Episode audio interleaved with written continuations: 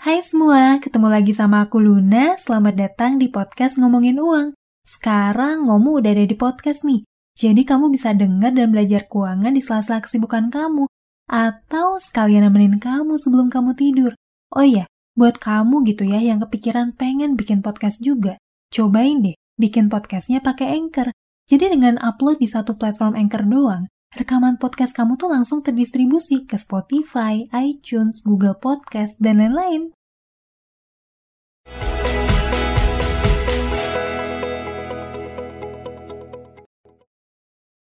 Pada awal Maret tahun 2020, Arab Saudi tuh nunda penyelenggaraan ibadah umroh. Jepang itu juga ngeliburin seluruh anak sekolahnya. Para pekerja kantoran nih diminta buat kerja dari rumah. Berbagai event olahraga kelas dunia juga dibatalin. Sekarang kita lirik sektor keuangan dan investasi. Pasar saham di seluruh dunia nih mengalami penurunan yang tajam. Indeks harga saham gabungan di Indonesia turun 22% sejak awal tahun sampai 13 Maret 2020 kemarin. Nilai rupiah juga semakin tertekan nih dibandingkan dengan dolar Amerika dan euro. Dari sisi komoditas, harga batu bara dan minyak dunia juga melemah dengan tajam. Duh, kenapa sih ini? Sebenarnya ada apa ya? Penyebab dari semua hal tersebut adalah virus corona. Yap, virus corona ini ternyata nggak cuma nyerang manusia doang, tapi juga nyerang ekonomi. Nah, pada video kali ini, aku akan coba bahas nih tentang dampak virus corona terhadap kondisi ekonomi dunia. Oke deh, langsung aja ya kita bahas dampak virus corona ini terhadap kondisi ekonomi. Aku akan coba jelasin dampaknya dari tiga sisi nih, supply, demand, dan service. Yang pertama adalah supply. Apa sih supply itu? Singkatnya nih, supply itu adalah ketersediaan barang. Seperti yang kita tahu nih, virus corona itu kan pertama kali muncul di kota Wuhan nih di Cina. Bisa dibilang, Cina ini jadi negara pertama yang ngalamin dampak buruk dari wabah mengerikan ini. Akibat wabah ini, perputaran ekonomi di Cina tuh sempat lumpuh. Pabrik-pabrik ditutup, ekspor impor dibatasi, dan Cina tuh jadi negara yang terisolasi baik dari sisi manusianya juga dari sisi perdagangannya. Masalahnya, Cina itu adalah pusat manufaktur dunia, yang artinya banyak banget nih negara yang bergantung sama bahan baku industri yang diproduksi oleh Cina.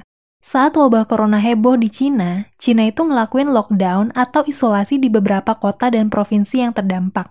Lockdown ini tuh maksudnya gimana?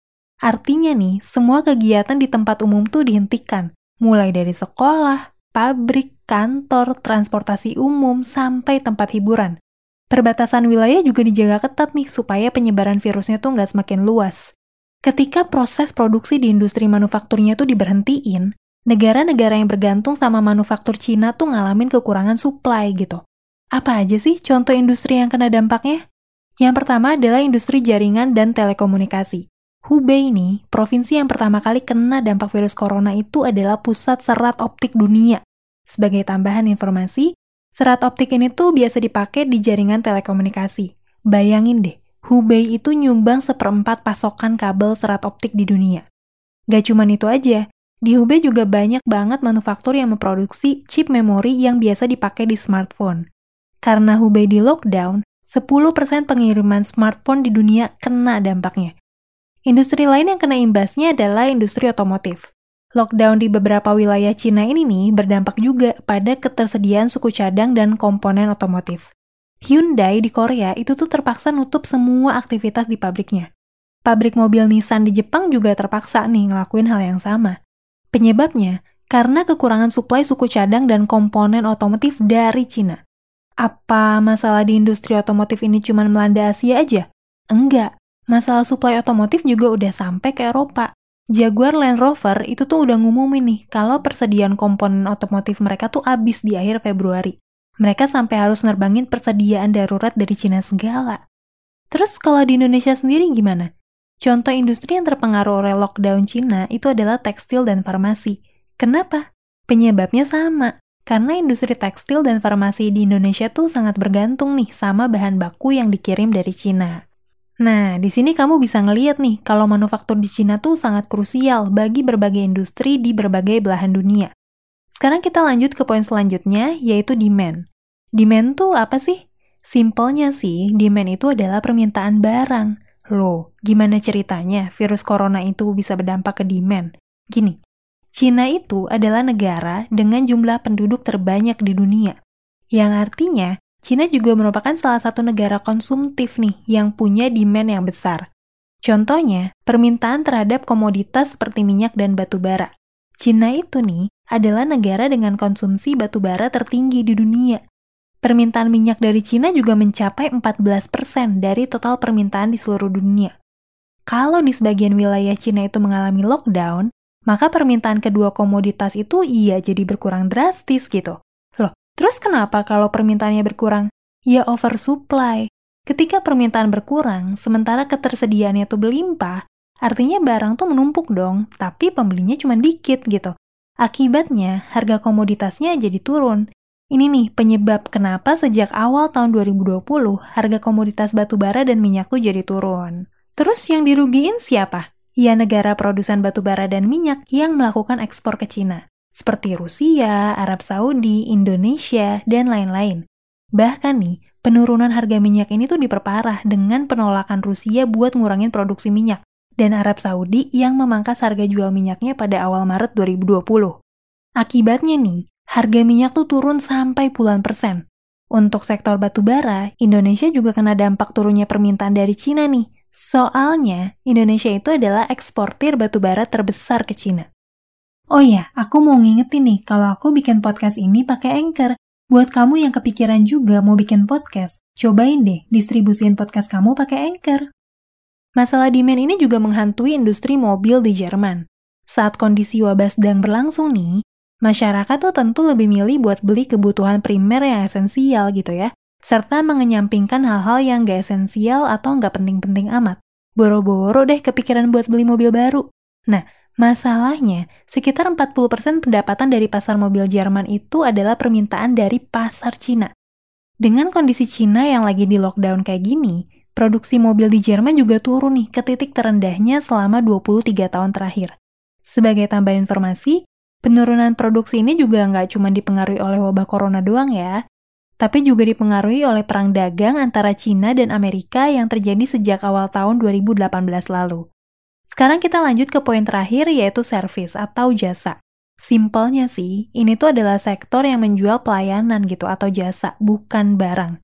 Contohnya ya transportasi, penginapan, sampai tempat hiburan. Seperti yang udah aku bilang sebelumnya, Cina itu adalah salah satu negara dengan ekonomi terkuat dan penduduk terbanyak. Kondisi tersebut tuh bikin Cina jadi negara dengan penyumbang turis internasional terbanyak di seluruh dunia.